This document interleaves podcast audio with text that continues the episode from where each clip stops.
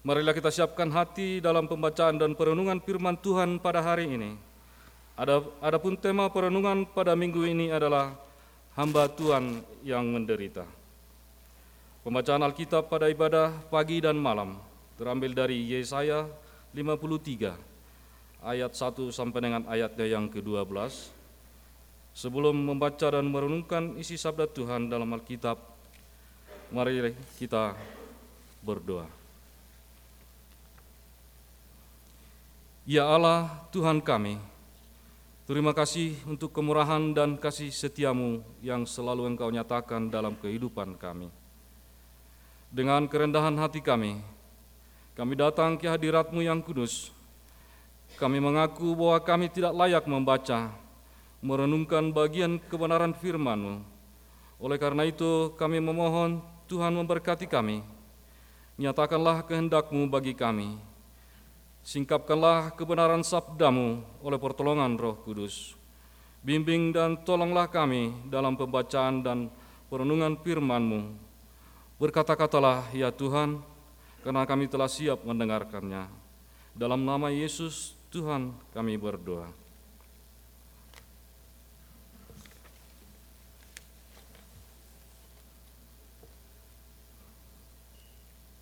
Yesaya 53 ayat pertama sampai dengan ayatnya yang ke-12. Hamba Tuhan yang menderita. Siapakah yang percaya kepada berita yang kami dengar dan kepada siapakah tangan kekuasaan Tuhan dinyatakan? Sebagai taruk ia tumbuh di hadapan Tuhan dan sebagai tunas dari tanah kering ia tidak tampan dan sebaraknya pun tidak ada sehingga kita memandang dia dan rupa pun tidak, sehingga kita menginginkannya. Ia dihina dan dihindari orang, seorang yang penuh kesengsaraan dan yang biasa menderita kesakitan. Sangat, ia sangat dihina, sehingga orang menutup mukanya terhadap dia, dan bagi kita pun dia tidak masuk hitungan. Tetapi sesungguhnya penyakit kitalah yang ditanggungnya, dan kesengsaraan kita yang dipikulnya Padahal kita mengira dia kena tulah, dipukul dan ditindas Allah. Tetapi dia tertikam oleh karena pemberontakan kita. Dia diremukkan oleh karena kejahatan kita. Ganjaran yang mendatangkan keselamatan bagi kita ditimpakan kepadanya. Oleh bilur-bilurnya kita menjadi sembuh. Kita sekalian sesat seperti domba. Masing-masing kita mengambil jalannya sendiri. Tetapi Tuhan telah menimpakan kepadanya kejahatan kita sekalian. Dia dianiaya, tetapi dia membiarkan diri ditindas dan tidak membuka mulutnya seperti anak domba yang dibawa ke pembantaian. Seperti induk domba yang keluh di depan orang-orang yang menggunting bulunya, ia tidak membuka mulutnya. Sesudah penahanan dan penghukuman ia terambil, dan tentang nasibnya siapakah yang memikirkannya? Sungguh ia terputus dari negeri orang-orang hidup. Dan karena pemberontakan umatku, ia kena tulah. Orang menempatkan kuburnya di antara orang-orang fasik, dan dalam matinya ia ada di antara penjahat-penjahat. Sekalipun ia tidak berbuat kekerasan dan tipu tidak ada dalam mulutnya. Tetapi Tuhan berkehendak meremukkan dia dengan kesakitan, Apabila ia menerahkan dirinya sebagai korban penebus salah, ia akan melihat keturunannya, umurnya akan lanjut dan kehendak Tuhan akan terlaksana olehnya. Sesudah kesusahan jiwanya, ia akan melihat terang dan menjadi puas, dan hambaku itu sebagai orang yang benar. Akan membenarkan banyak orang oleh hikmatnya dan kejahatan karena dia dipikul. Sebab itu aku akan membagikan kepadanya orang-orang besar sebagai rampasan, dan ia akan memperoleh orang-orang kuat sebagai jarahan, yaitu sebagai ganti karena ia telah menyerahkan nyawanya ke dalam maut. Dan karena ia terhitung di antara pemberontak-pemberontak, sekalipun yang menanggung dosa banyak orang, dan berdoa untuk pemberontak-pemberontak.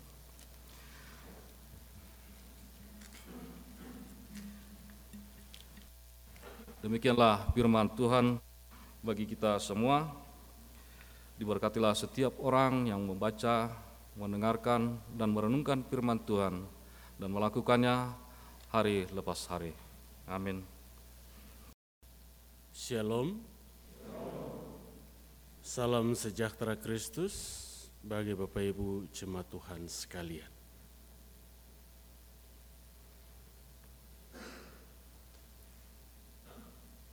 Di triwulan yang pertama masih dengan tema pembaruan Tuhan bagi manusia.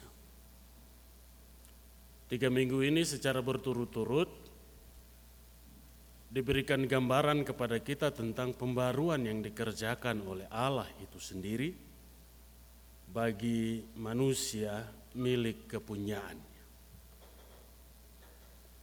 Dimulai dari Markus pasal 8 sampai dengan Lukas 18 dan hari ini bagian yang diperuntukkan bagi kita untuk perenungan kita adalah Yesaya 53. Bapak Ibu jemaat sekalian, kalau mengikuti seluruh rancangan-rancangan khotbah ini, maka eh, secara tidak langsung ada bagian-bagian yang bisa kita terima dan kita pahami sesuai urut-urutan pemberitaan firman. Kalau di minggu sengsara atau prapaskah yang ketiga, bagian yang kita baca dan renungkan dari Lukas pasal 18, maka Lukas pasal 18 itu dasar terjemahannya diambil atau dijelaskan dari Yesaya pasal 53. Tentang nubuatan para nabi. Maka hari ini kita akan pelajari tentang nubuatan para nabi itu yang disampaikan oleh Yesus kepada murid-muridnya ketika mereka memasuki Yerusalem atau pemberitahuan Yesus yang ketiga. Yesaya pasal 53 ayat 1 sampai dengan yang ke-12. Dengan perikop hamba Tuhan yang menderita. Nubuat Nabi Yesaya tentang hamba Tuhan yang menderita ini nubuatan yang kira-kira disampaikan Nabi Yesaya 700 tahun sebelum Yesus disalibkan. Siapa dia hamba Tuhan yang menderita ini? Ada pandangan yang menunjuk kepada Raja Daud, ada juga kepada bangsa Israel, sebagai individu maupun sebagai suatu bangsa. Ada juga yang merujuk kepada Mesias yang dinubuatkan para nabi dalam perjanjian lama. Tetapi jika dihubungkan dengan Yesaya pasal 42 tentang hamba Tuhan, maka Yesaya pasal 4 ayat 2 sampai 6 pasal 11 ayat 1 sampai dengan ke-10, pasal 42 ayat 1 sampai 9 dan pasal 53 ayat 1 sampai 12. Bagian-bagian ini merujuk kepada Yesus sebagai hamba Tuhan yang menderita. Yang dinubuatkan di dalam perjanjian lama kemudian digenapi dalam perjanjian baru. Karena itu dalam Yesaya pasal 53 ayat 1 sampai 9 di sana Yesus digambarkan sebagai orang yang menanggung hukuman untuk menghadirkan keselamatan dengan memikul beban dosa manusia. Seperti disaksikan dalam 1 Korintus pasal 5 ayat 21. Paulus katakan, Dia yang tidak mengenal dosa telah dibuatnya menjadi dosa karena kita, supaya dalam Dia kita dibenarkan oleh Allah.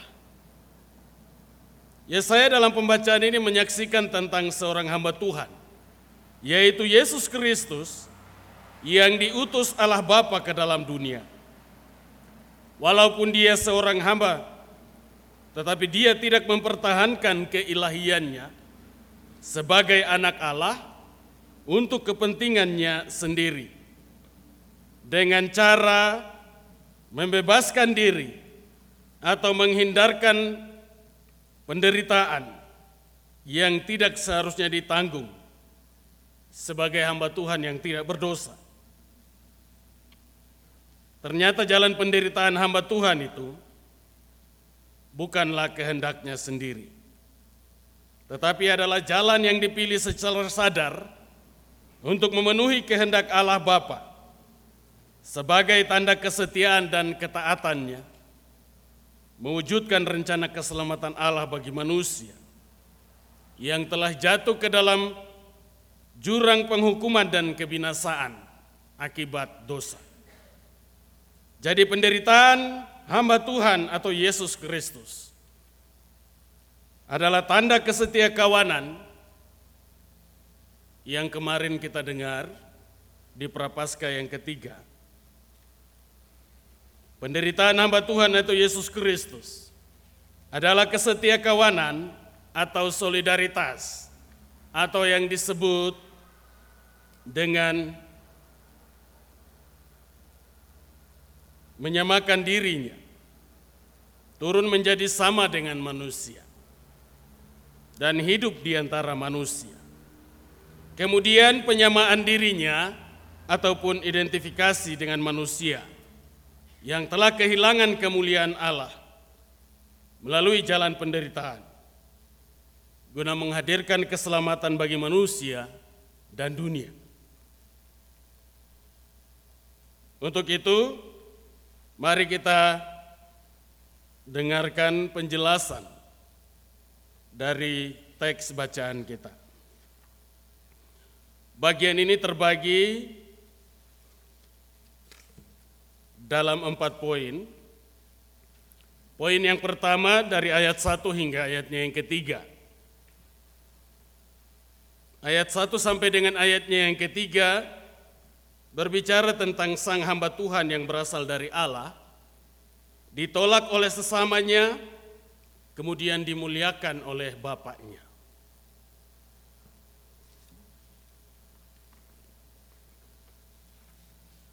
Ayat 1 merupakan kelanjutan yang menjelaskan pasal 52 ayat 13 sampai dengan pasal 53 ayatnya yang ke-12. Di mana pengalaman hidup sang hamba Tuhan ini membuat orang-orang sulit percaya dengan apa yang diberitakan. Sehingga muncul pertanyaan di antara mereka atau muncul suatu kesangsian di antara mereka. Bagaimana mungkin Seorang yang begitu menderita kemudian menjadi sangat ditinggikan, disanjung dan dimuliakan. Untuk memahami bagian ini ayat 1 pasal 30 atau 53 ini maka kita harus baca ke atas pasal 52 ayat 13 sampai 15 supaya di ayat 1 itu kita bisa mengerti.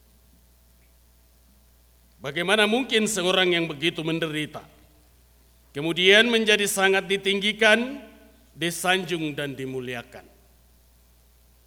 Kemudian ayatnya yang kedua berbicara mengenai kesederhanaan sang hamba Tuhan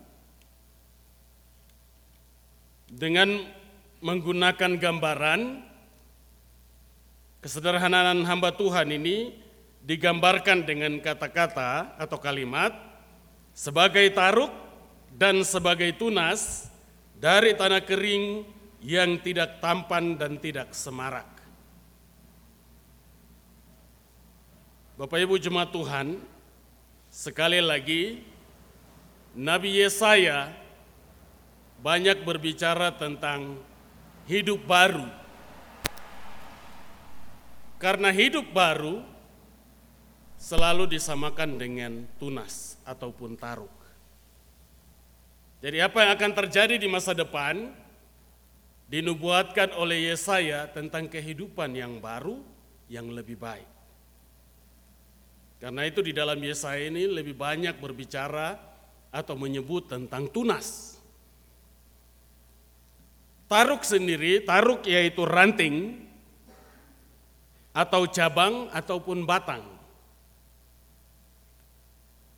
yang akan tumbuh atau keluar dari tunas itu oleh kehendak Tuhan. Yang mengacu pada kehendak Sang Bapa mengutus anaknya sebagai Kristus ataupun Mesias. Arti lain juga menjelaskan bahwa Mesias atau Kristus atau Yesus itu datangnya dari Sang Bapa, berasal dari Allah. Kemudian kata tunas. Tunas adalah gambaran tentang adanya kepastian akan munculnya atau akan datangnya dunia baru dan masa depan yang baru yang akan diperintah oleh Sang Tunas itu, yaitu Yesus Kristus. Kemudian gambaran tentang tanah kering. Tanah kering yaitu gambaran tentang Yerusalem yang dihancurkan dan Yehuda yang diasingkan. Dalam konteks perjanjian lama. Artinya Yesaya bernubuat, bekerja dan melayani ketika bangsa ini sedang mengalami penindasan, pengasingan, dan kehancuran. Kemudian ada juga kekeringan rohani yang dialami oleh bangsa Yahudi di Yerusalem. Karena itu setiap kali kita baca kitab-kitab Injil, kita akan menemukan keterangan-keterangan bahwa Yesus Kristus datang untuk orang-orang yang lemah, kepada janda duda yatim piatu, orang-orang yang terkutuk dan tersingkirkan. Jadi kehidupan umat Yahuda di Yerusalem mengalami kekeringan rohani. Pelayanan mereka tidak tertuju kepada orang-orang yang rendah, tetapi lebih kepada orang-orang besar, orang-orang kaya, dan orang-orang yang mempunyai pengaruh. Kemudian kata tampan dan semarak. Tampan dan semarak yakni Mesias tidak memiliki kemuliaan duniawi atau daya tarik jasmania. Sehingga ia disanjung dan dimuliakan oleh manusia. Artinya Mesias tidak akan menyatakan dirinya sebagai pusat penyembahan manusia. Mesias datang membawa kabar baik, membawa berita tentang penyembahan itu harus ditujukan kepada Allah, bukan kepada dirinya sebagai Mesias. Itu yang dimaksud dengan kata tampan dan semarak. Kemudian di ayat yang ketiga, ia dihina dan dihindari orang. Orang-orang,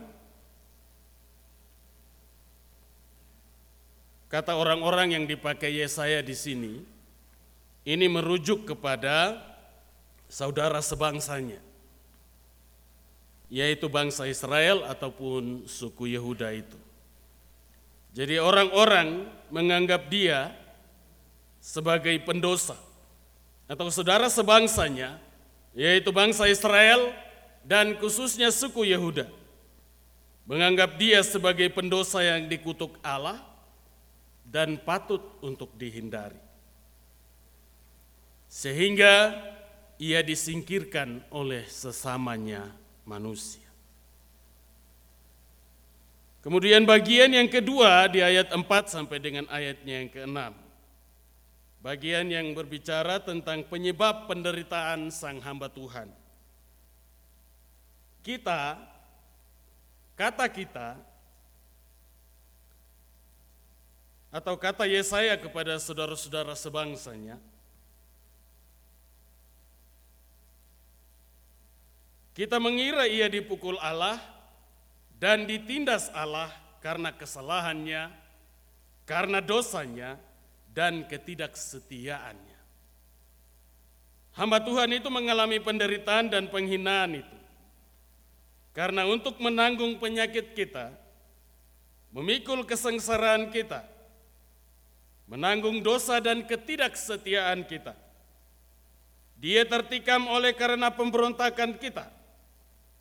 Dia diremukan karena kejahatan kita.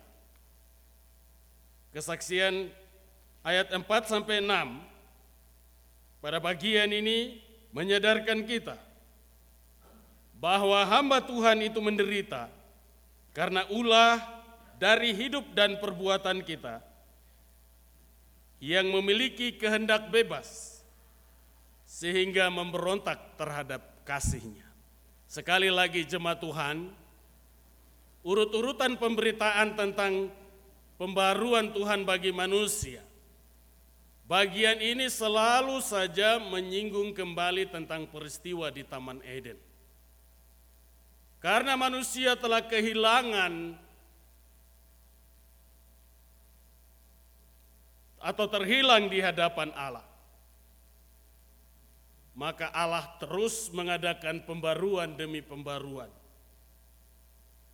Untuk menarik kembali manusia masuk ke dalam rancangan keselamatan. Maka banyak cara yang digunakan oleh Allah.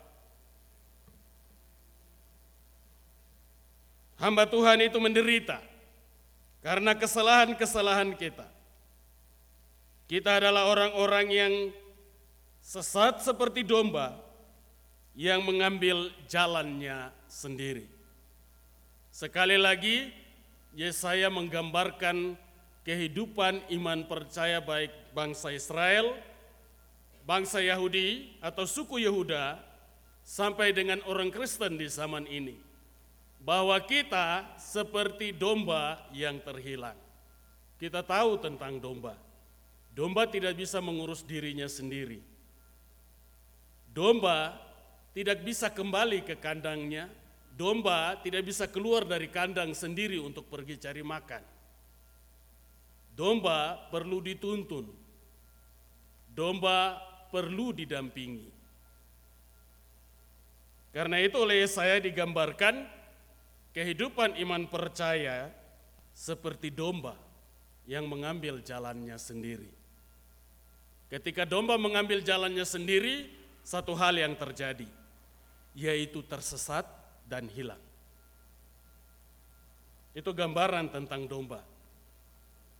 Kita adalah orang-orang yang sesat seperti domba yang mengambil jalannya sendiri. Kejahatan kita inilah yang ditimpakan kepada hamba Tuhan itu.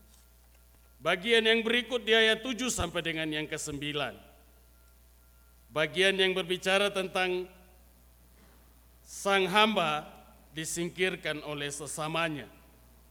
Ayat-ayat ini menyaksikan tentang sikap hamba Tuhan itu dalam menerima dan menjalani penderitaan yang menimpanya. Dia dianiaya tetapi membiarkan dirinya ditindas, tidak membuka mulutnya untuk melawan ataupun menolak. Ibarat anak domba yang dibawa ke pembantaian. Sekali lagi berbicara tentang domba.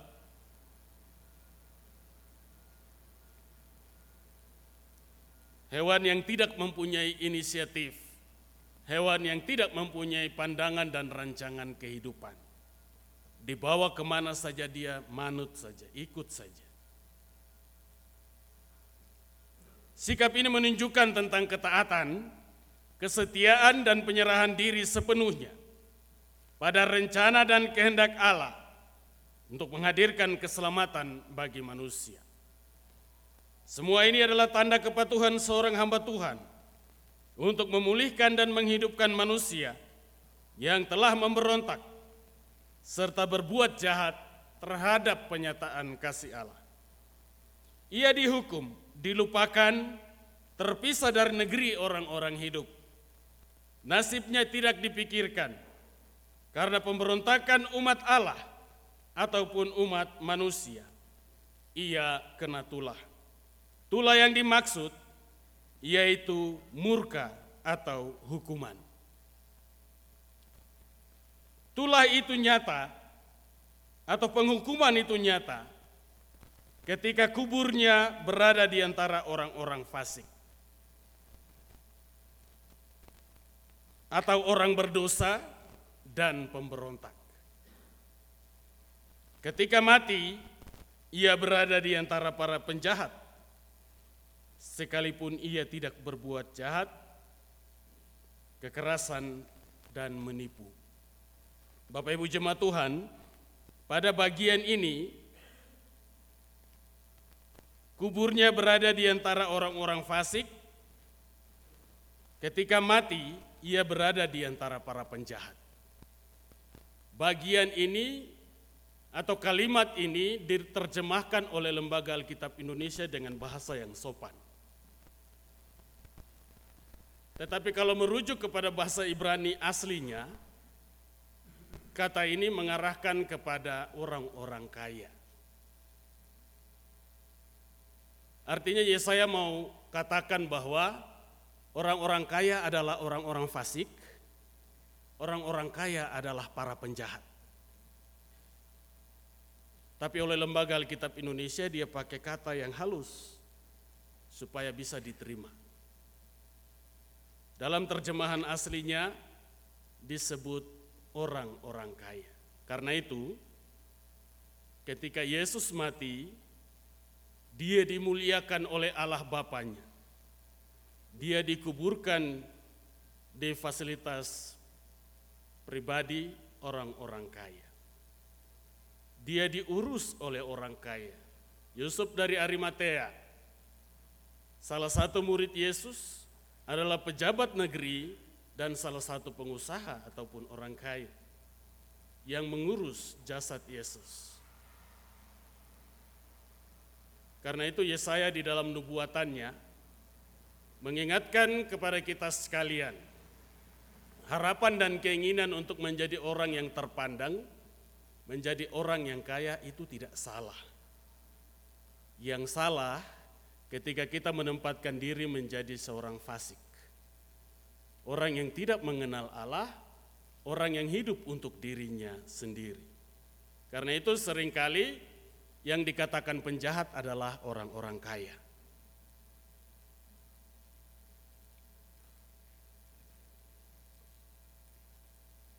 Sungguh Allah mengasihi manusia sehingga ia mengutus anaknya Yesus Kristus menjalani penderitaan yang amat berat dan Yesus Kristus memilih jalan ini untuk menggenapkan rencana Allah Bapaknya. Jika hamba Tuhan itu menghindari dan mencoba membebaskan diri dari jalan penderitaan ini, maka ada dua akibat mendasar yang akan terjadi. Yang pertama, rencana keselamatan Allah akan gagal Keselamatan Allah tidak akan sampai ke bumi. Membebaskan manusia dari dosa dan maut. Dan yang kedua, manusia tetap hidup dalam dosa. Hidup dalam rancangan murka Allah serta kebinasaan dan tidak memiliki kehidupan yang kekal. Kemudian bagian yang Berikut di ayat 10 hingga ayatnya yang ke-12. Sang hamba Tuhan ini ditinggikan. Ada dua makna yang tersembunyi di balik penderitaannya. Yang pertama, rahasia penderitaannya bukan ke kehendaknya sendiri, melainkan kehendak Allah yang dinyatakan di dalam dirinya. Kemudian yang kedua, Allah memakai orang-orang yang tidak percaya, yang hatinya jahat, yang menolak kebenaran, yang mementingkan dirinya sendiri, sebagai kesempatan untuk mewujudkan rencana keselamatan yang besar dan rencana keselamatan yang mulia bagi manusia berdosa tanpa disadari. Alam ini sekali lagi milik dan ciptaan Allah. Maka Allah berkehendak menggunakan setiap pribadi, setiap bangsa, setiap orang untuk menyatakan kehendaknya. Dua hal ini dimaksudkan agar orang-orang yang tidak percaya dan bangsa-bangsa yang tidak mengenal Allah. Sekali lagi ini di kembali disinggung Lukas pasal 18 kemarin. Ayat 31 sampai 34. Orang-orang yang tidak percaya dan bangsa-bangsa yang tidak mengenal Allah yang melakukan kejahatan atas diri hamba Tuhan itu akan dipermalukan. Hamba Tuhan itu menderita sebab Tuhan berkehendak menyerahkan dirinya sebagai korban penebusan. Agar supaya kehendak Tuhan terlaksana. Rahasia ini nyata dalam ayat 11 dan ayatnya yang ke-12. Sesudah kesusahan jiwanya, ia melihat terang dan menjadi puas. Hambaku sebagai orang benar, ia membenarkan banyak orang oleh hikmatnya. Dan ia pikul kejahatan mereka. Karena itu, orang-orang besar diserahkan sebagai rampasan. Sekali lagi, ini menyinggung tentang orang-orang kaya, memperoleh orang-orang kuat sebagai jarahan atau sebagai gantinya. Artinya, kejahatan mereka diserahkan untuk ditanggung oleh hamba Tuhan itu. Dengan jalan menyerahkan nyawanya ke dalam maut, bahkan rela terhitung sebagai pemberontak. Yang menjadi bagian penerapan bagi kita ketika kita memasuki minggu kerja yang baru di masa sengsara yang keempat. Manusia tidak dapat membebaskan dirinya dari dosa dan akibatnya yang membawa kepada kebinasaan. Karena itu Allah Bapa mengutus anaknya Yesus Kristus dan menjadikannya sebagai hamba yang menderita. Yesus datang dan hidup bersama manusia.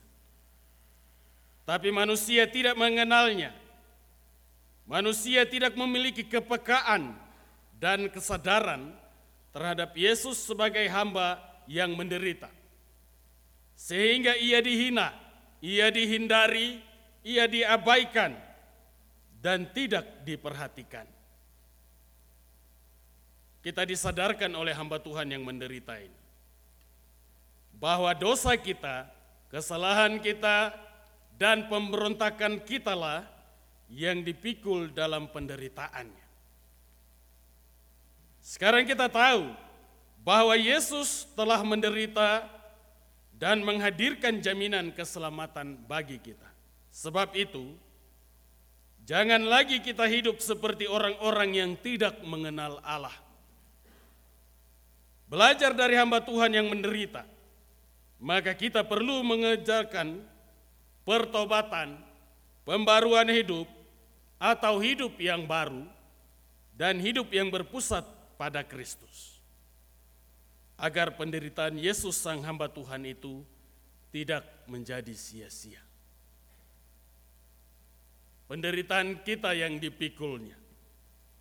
Ia menderita menggantikan kita karena itu, hidup kekristenan kita terus-menerus mengalami pertobatan. Mengalami pertobatan artinya juga hidup itu berubah dari hari ke hari. Kalau tidak bisa hitung hari, hitung minggu. Kalau tidak bisa minggu, bulan. Kalau tidak bisa bulan, tahun. Pertobatan itu berlangsung terus-menerus. dalam kelemahan dan keterbatasan kita. Berjuanglah untuk bertobat, untuk hidup yang baru. Yang kedua, kita tidak hanya mengagumi bahwa seorang hamba Tuhan telah menderita menggantikan kita. Tugas kita adalah memaknai dan menerapkan nilai-nilai penderitaan hamba Tuhan dalam hidup dan tanggung jawab kita sebagai orang percaya. Kita tidak perlu meratapi penderitaan Yesus. Kita tidak perlu bersedih. Tetapi yang terpenting adalah bagaimana kita menerapkan teladan penderitaan Yesus dalam hidup kita tiap-tiap hari. Dengan demikian, kita tidak perlu bertanya apa yang seharusnya kita percayai, tetapi sebaliknya, apa yang harus kita lakukan sebagai orang yang telah diselamatkan dari rancangan murka Allah atau penghukuman Allah dan kematian ataupun kebinasaan yang kekal. Karena itu setiap ibadah-ibadah penghiburan, ibadah-ibadah pemakaman selalu dikatakan berbahagialah orang yang mati di dalam Kristus.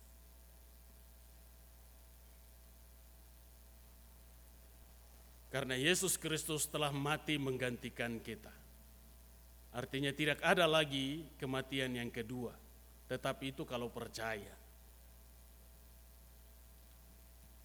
Dan yang terakhir, sikap hamba Tuhan yang menderita mewariskan kepada kita nilai ketaatan, kesetiaan, dan penyerahan diri sepenuhnya kepada Allah melalui Yesus Kristus dan oleh pertolongan Roh Kudus.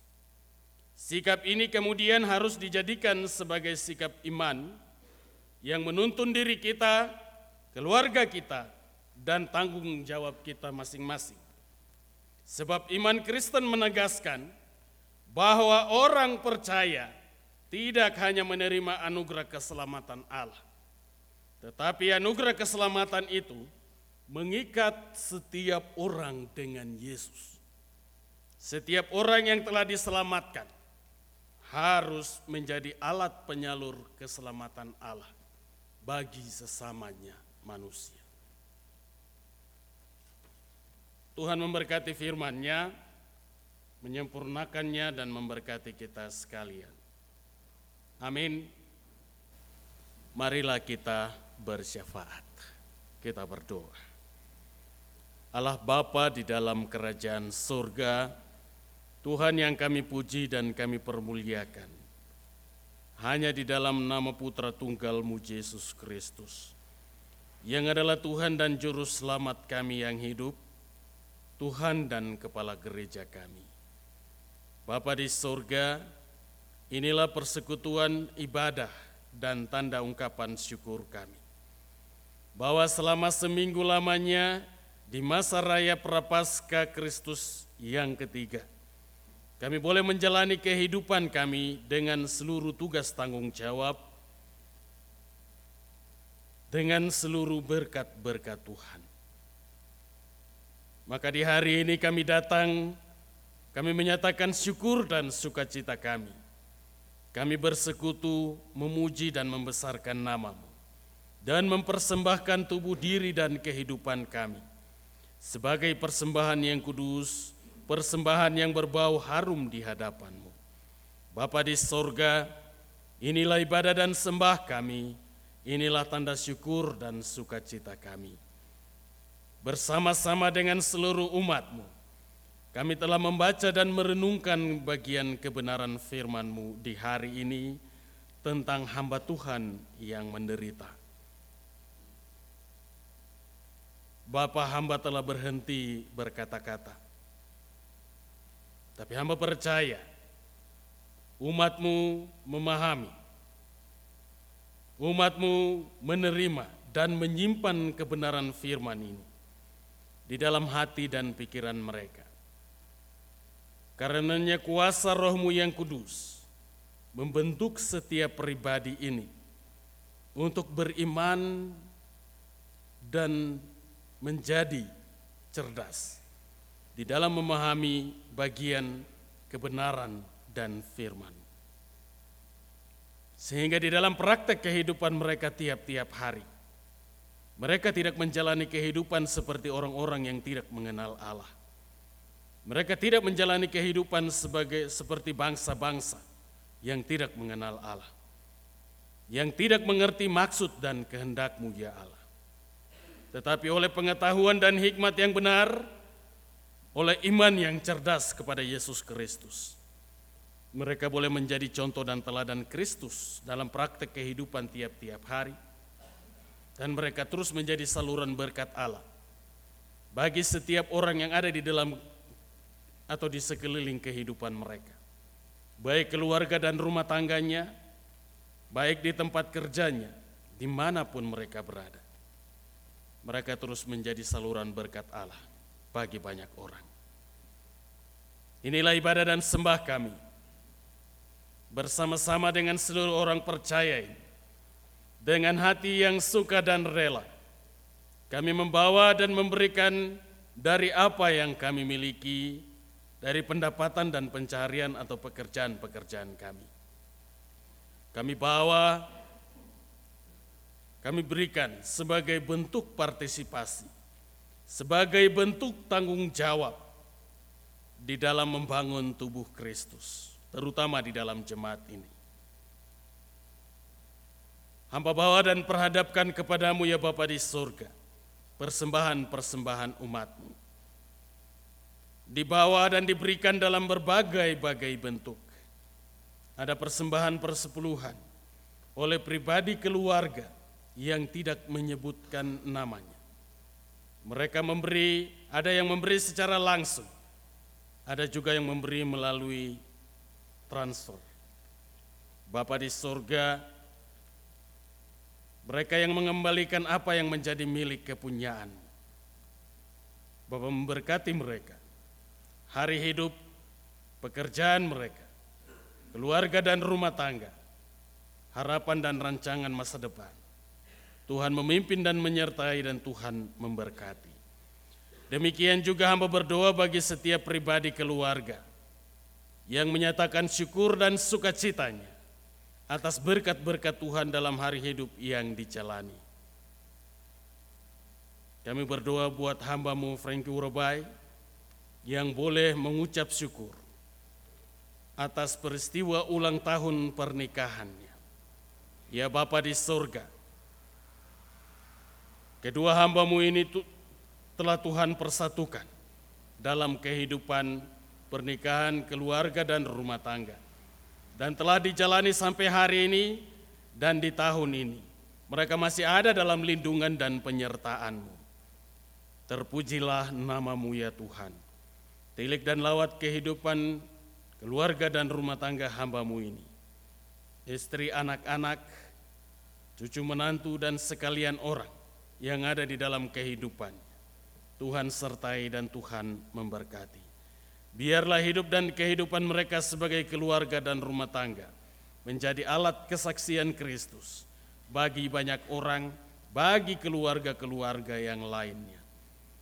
Bapa di dalam kerajaan surga, kami berdoa juga bagi hambamu terkasih yang mengalami kemalangan dalam mengikuti seluruh kegiatan BK3N.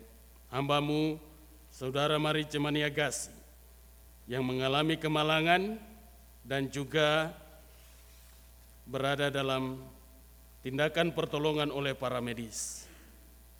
Tuhan datang hibur dan kuatkan hambamu terkasih.